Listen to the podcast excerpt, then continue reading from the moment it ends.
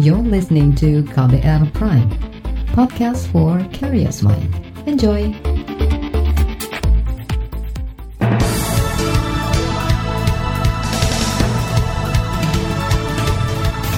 Halo selamat pagi saudara, senang sekali kami kembali bisa menjumpai Anda pagi hari ini melalui program Buletin Pagi edisi Kamis 5 November 2020. Pagi hari ini sejumlah informasi telah kami siapkan untuk Anda. Di antaranya, Kemenku catat ratusan triliun rupiah anggaran daerah belum terserap. Tim uji klinis vaksin COVID-19 mengklaim hasil uji coba berlangsung baik dan Polda Papua tetapkan tiga tersangka penjualan senjata ilegal. Bersama saya, Reski Mesanto, inilah Buletin Pagi selengkapnya. Terbaru di Buletin Pagi. Saudara, Kementerian Keuangan menyesalkan banyak pemerintah daerah yang mengendapkan anggaran di kas daerah hingga ratusan triliun. Wakil Menteri Keuangan Suhasil Nazara menyebut, dana mengendap di kas daerah mencapai lebih dari 239 triliun rupiah. Ia mengatakan dalam kondisi pandemi seperti saat ini, pemerintah daerah mestinya menggenjot penyerapan anggaran agar bisa mengalir ke sektor-sektor real untuk menumbuhkan ekonomi yang lesu. Bapak sekalian, kami di Kementerian Keuangan masih mencatat bahwa sekitar bulan Oktober total saldo yang ada di rekening kas umum daerah itu masih sekitar 239 triliun rupiah. Ini berarti dana tersebut ada di perbankan, ada di rekening kas umum daerah. Wakil Menteri Keuangan Suhasil Nazara mengatakan triliunan dana yang mengendap di kas daerah itu mestinya bisa digunakan untuk meningkatkan belanja sosial daerah dan membantu perekonomian warga. Bulan lalu, Menteri Keuangan Sri Mulyani juga menyebut serapan anggaran pemulihan ekonomi di daerah masih rendah. Serapan rendah antara lain di sektor anggaran jaring pengaman sosial daerah, dukungan ekonomi masyarakat, serta belanja kesehatan. Sementara itu, Kementerian Dalam Negeri atau Kemendagri mendorong agar pemerintah daerah segera mempercepat realisasi anggaran tahun ini. Dirjen Bina Keuangan Daerah di Kementerian Dalam Negeri Muhammad Ardian Nurfianto menyebut, ratusan triliun rupiah uang kas Pemda itu masih disimpan di bank umum dan belum dibelanjakan oleh pemerintah daerah. Ardian mengatakan dari penjelasan daerah, uang tersebut belum terserap lantaran pelaksanaan kegiatan sudah disusun, namun belum diajukan penagihannya oleh pihak ketiga.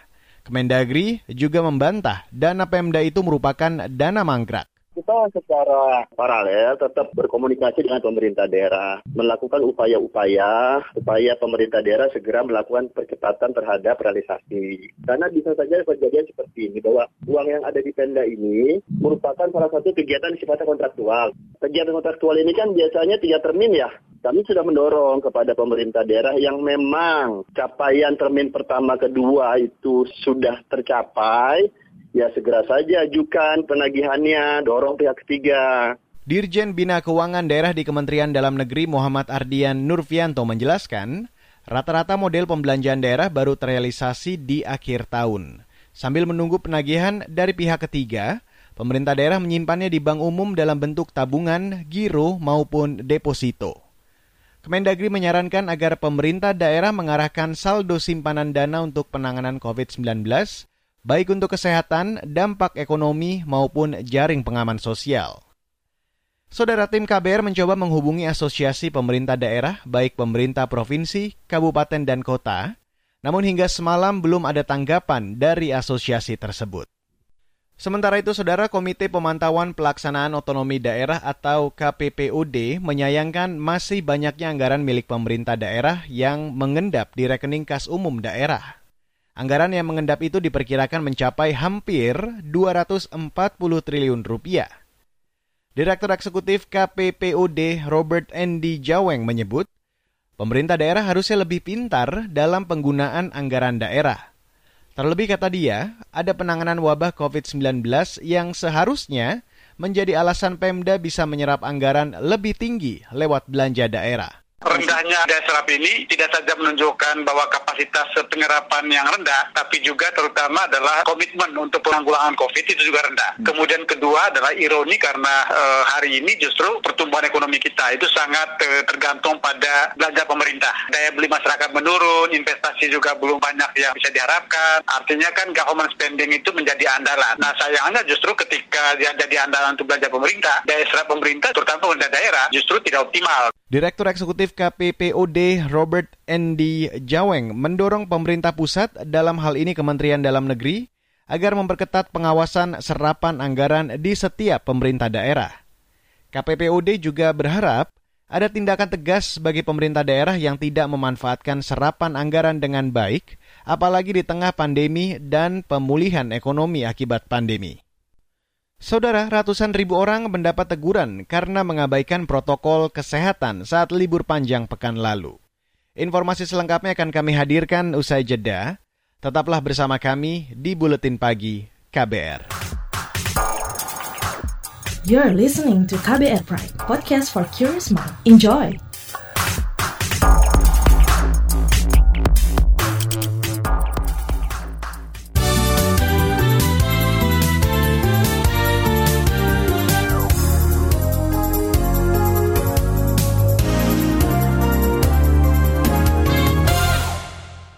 Selamat pagi sekali lagi untuk Anda yang baru saja bergabung pagi hari ini. Saya Reski Mesanto menemani Anda pagi hari ini melalui program Buletin Pagi KBR. Kita ke informasi ekonomi saudara, pemerintah mengklaim realisasi anggaran dari program pemulihan ekonomi nasional sudah mencapai 51,9 persen dari total anggaran 695 triliun rupiah. Angka ini terhitung per 2 November 2020.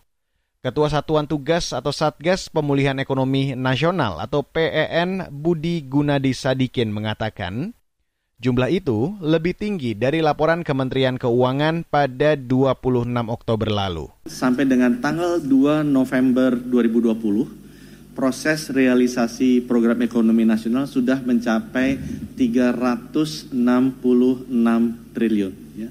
Satgas PEN sudah berhasil menyalurkan lebih dari 150 triliun di kuartal ketiga sebagai dukungan untuk menjaga defisit dari pertumbuhan ekonomi Indonesia di kuartal ketiga.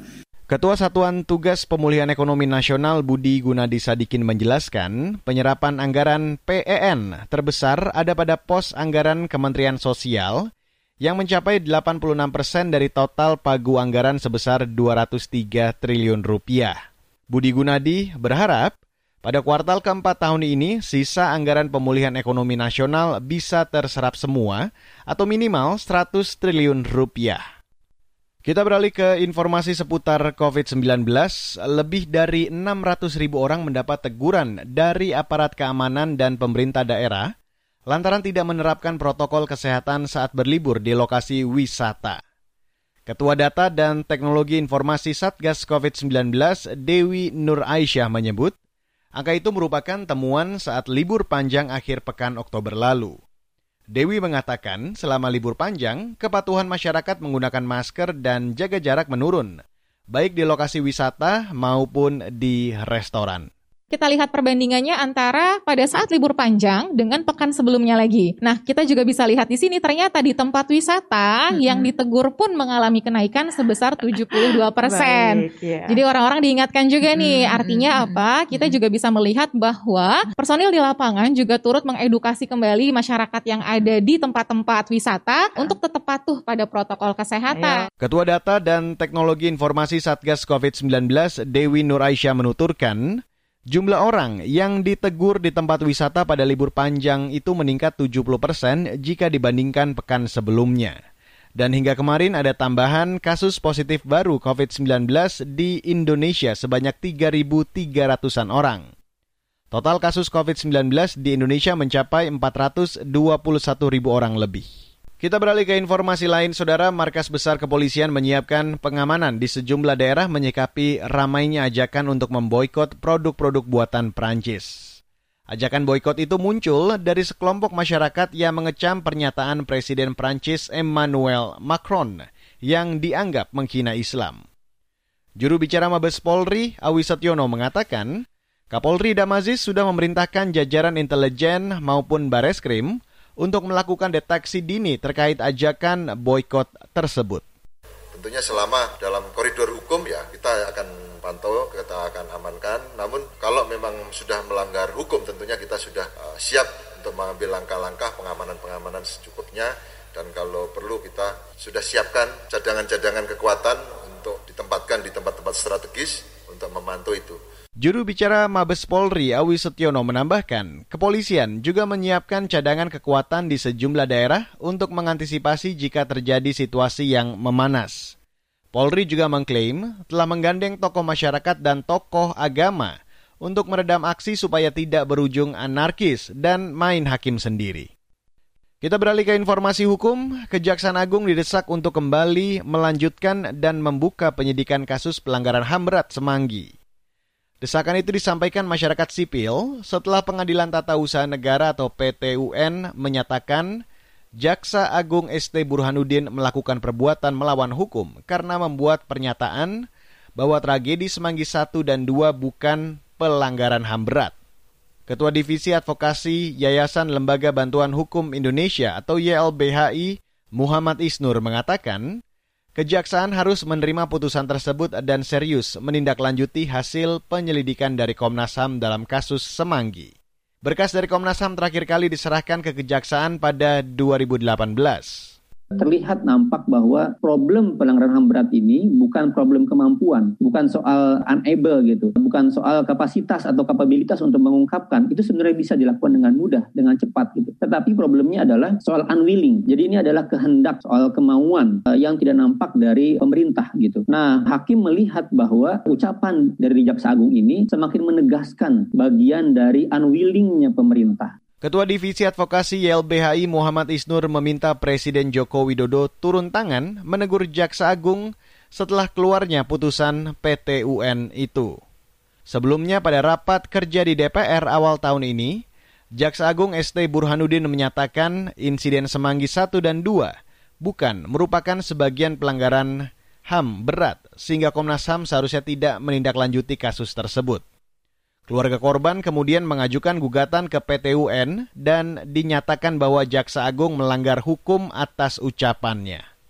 Beralih ke berita mancanegara, saudara, penghitungan suara masih terus dilakukan pada pemilu Presiden Amerika Serikat. Sehari setelah pemungutan suara hari Selasa lalu, belum ada kepastian pemenang pertarungan antara calon Presiden petahana Amerika Serikat Donald Trump melawan calon dari Partai Demokrat Joe Biden. Sejauh ini Joe Biden unggul dalam penghitungan suara sementara dengan memperoleh 238 dukungan elektoral. Sedangkan Donald Trump mendapat 213 dukungan elektoral. Masing-masing calon harus mendapat 270 dukungan elektoral dari 50 negara bagian Amerika Serikat untuk memenangkan pemilu presiden tahun ini. Meski begitu, Donald Trump sudah mengklaim memenangi pemilu presiden. Dan hingga semalam masih ada tujuh negara bagian yang belum menyelesaikan penghitungan suara. Kita beralih ke berita olahraga, Saudara. Presiden Joko Widodo memerintahkan pembentukan komite khusus untuk memenangkan Indonesia dalam pencalonan sebagai tuan rumah Olimpiade 2032. Keinginan Presiden agar Indonesia menjadi tuan rumah Olimpiade berkaca pada kesuksesan penyelenggaraan Asian Games dan Asian Para Games di 2018. Menurut Jokowi, kesuksesan itu membuka rasa percaya diri bangsa dan juga membuka mata dunia bahwa Indonesia mampu jadi tuan rumah yang baik dalam event internasional. Untuk jadi tuan rumah Olimpiade 2032, Indonesia bersaing dengan Australia, Qatar, Jerman, Unifikasi Korea, dan India. Saudara, laporan khas KBR bertajuk UMKM tunggu janji keberpihakan Undang-Undang Cipta Kerja akan kami hadirkan usai jeda. Tetaplah bersama kami di Buletin Pagi KBR. You're listening to KBR Pride, podcast for curious mind. Enjoy!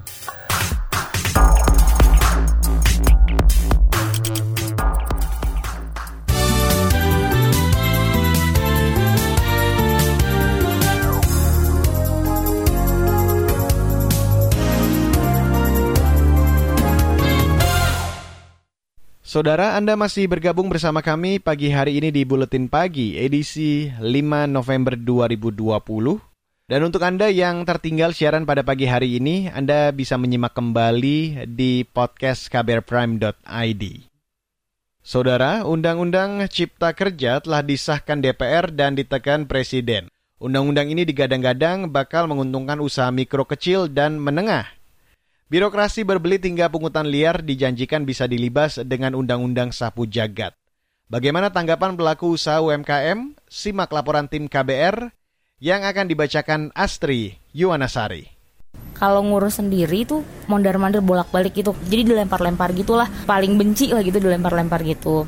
Dwi mengingat masa-masa melelahkan mengurus izin usaha gerai batiknya di sebuah kawasan wisata di Yogyakarta empat tahun lalu. Pengusaha muda asal Bandung ini harus menunggu tiga bulan sampai izin terbit. Total anggaran yang dihabiskannya mencapai 20 juta rupiah. Agak ribet karena selain ngantri, kayak persyaratannya tuh kayak dibolak-balik doang gitu. Kayak misalkan saya waktu itu ke dinas lingkungan kan.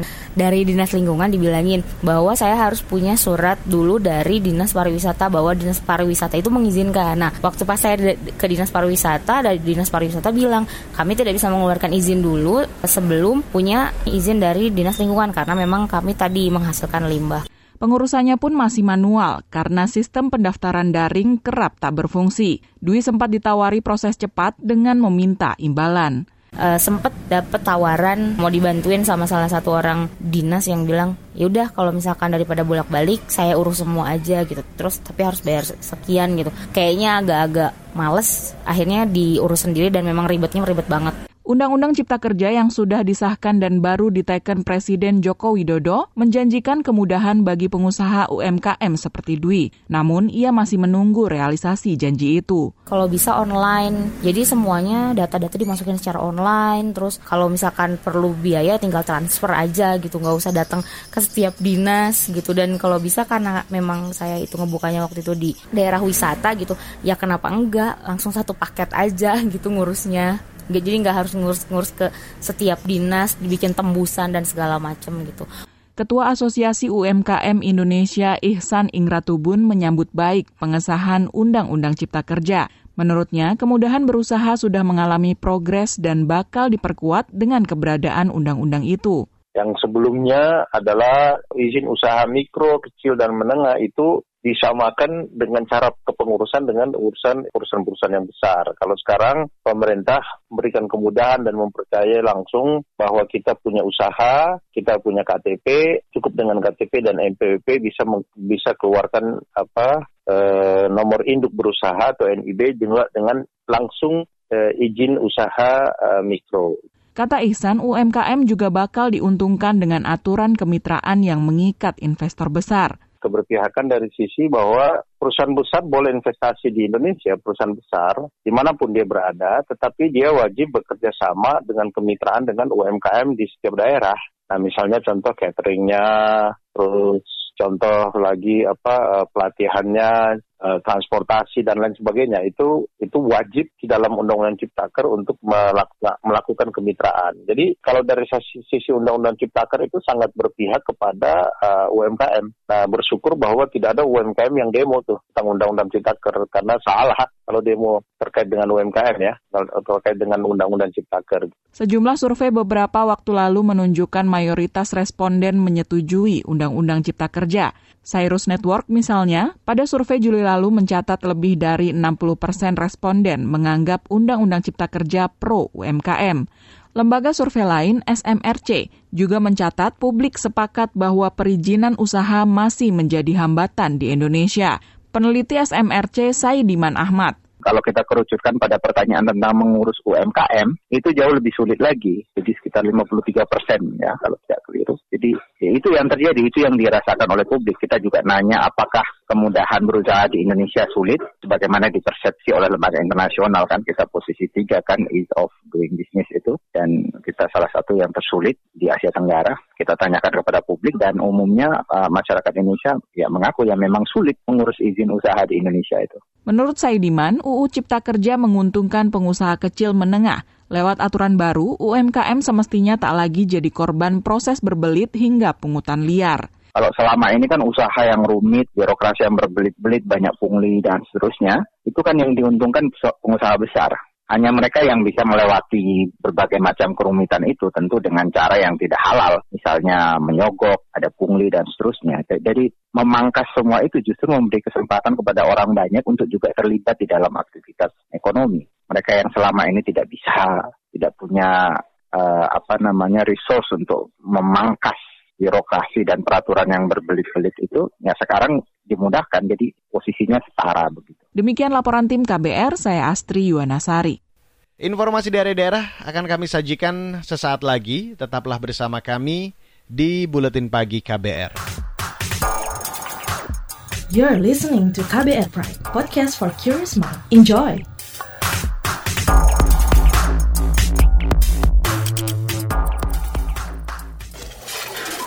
Ita Biliana, psikolog dari Lembaga Psikologi Terapan UI, memberi pesan kepada teman-teman Broken Home untuk meraih masa depan yang terbaik terlepas bagaimana kondisi rumahmu, bukan kondisi orang tuamu, itu ya kamu adalah individu sendiri yang punya hak dan punya kemampuan untuk menentukan nanti ke depannya mau gimana gitu. Jadi apa yang terjadi di belakang kamu tuh it doesn't define who you are atau yes. who will you be gitu aja, who you will be.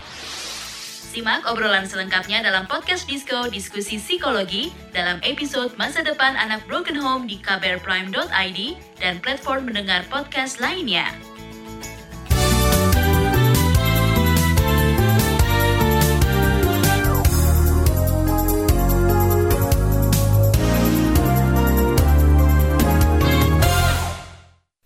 Kita ke Papua, Saudara Kepolisian Daerah Papua menetapkan tiga tersangka dalam kasus penyelundupan senjata api ke kelompok sipil bersenjata.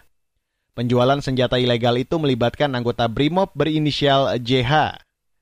Kapolda Papua, Paulus Waterpau mengatakan, selain JH, tersangka lain adalah seorang pecatan anggota TNI Angkatan Darat dari Sulawesi Barat dan seorang aparatur sipil negara di Kabupaten Nabire.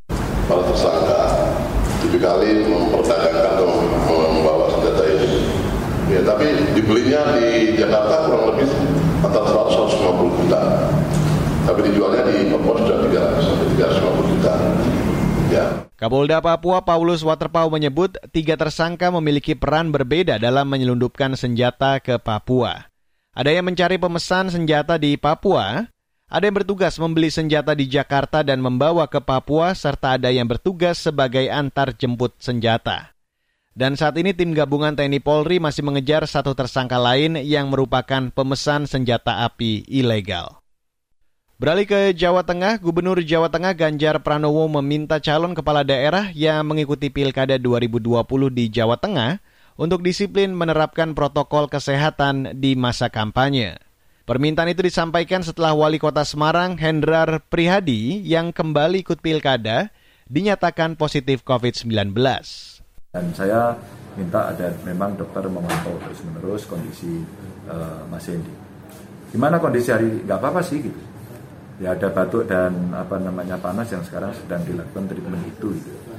Jadi di tempat-tempat yang sedang menyelenggarakan pilkada kepada para kandidat, kepada para tim sukses, kepada mereka yang curkam, lalu apalagi ya, tim kampanye uh, atau yang akan membuat event kerumunan, tolong tunda Bikinlah kampanye-kampanye dengan cara daring. Gubernur Jawa Tengah Ganjar Pranowo menyarankan agar kampanye dilakukan secara daring dan tidak melakukan kegiatan tatap muka atau berkerumun guna mencegah penularan COVID-19 di masa pilkada.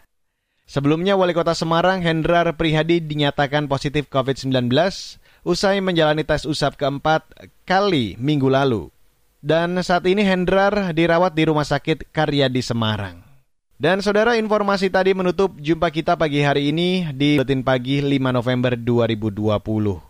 Pantau juga informasi terkini setiap jamnya melalui kabar baru, situs kbr.id, Twitter kami di account at berita KBR, serta untuk Anda yang tertinggal siaran pagi hari ini dan juga ingin menikmati news on demand kami, silakan Anda kunjungi kbrprime.id atau tentunya platform mendengarkan podcast lainnya. Akhirnya saya Reski Mesanto mewakili tim redaksi yang bertugas bagi hari ini. Kami undur diri. Salam.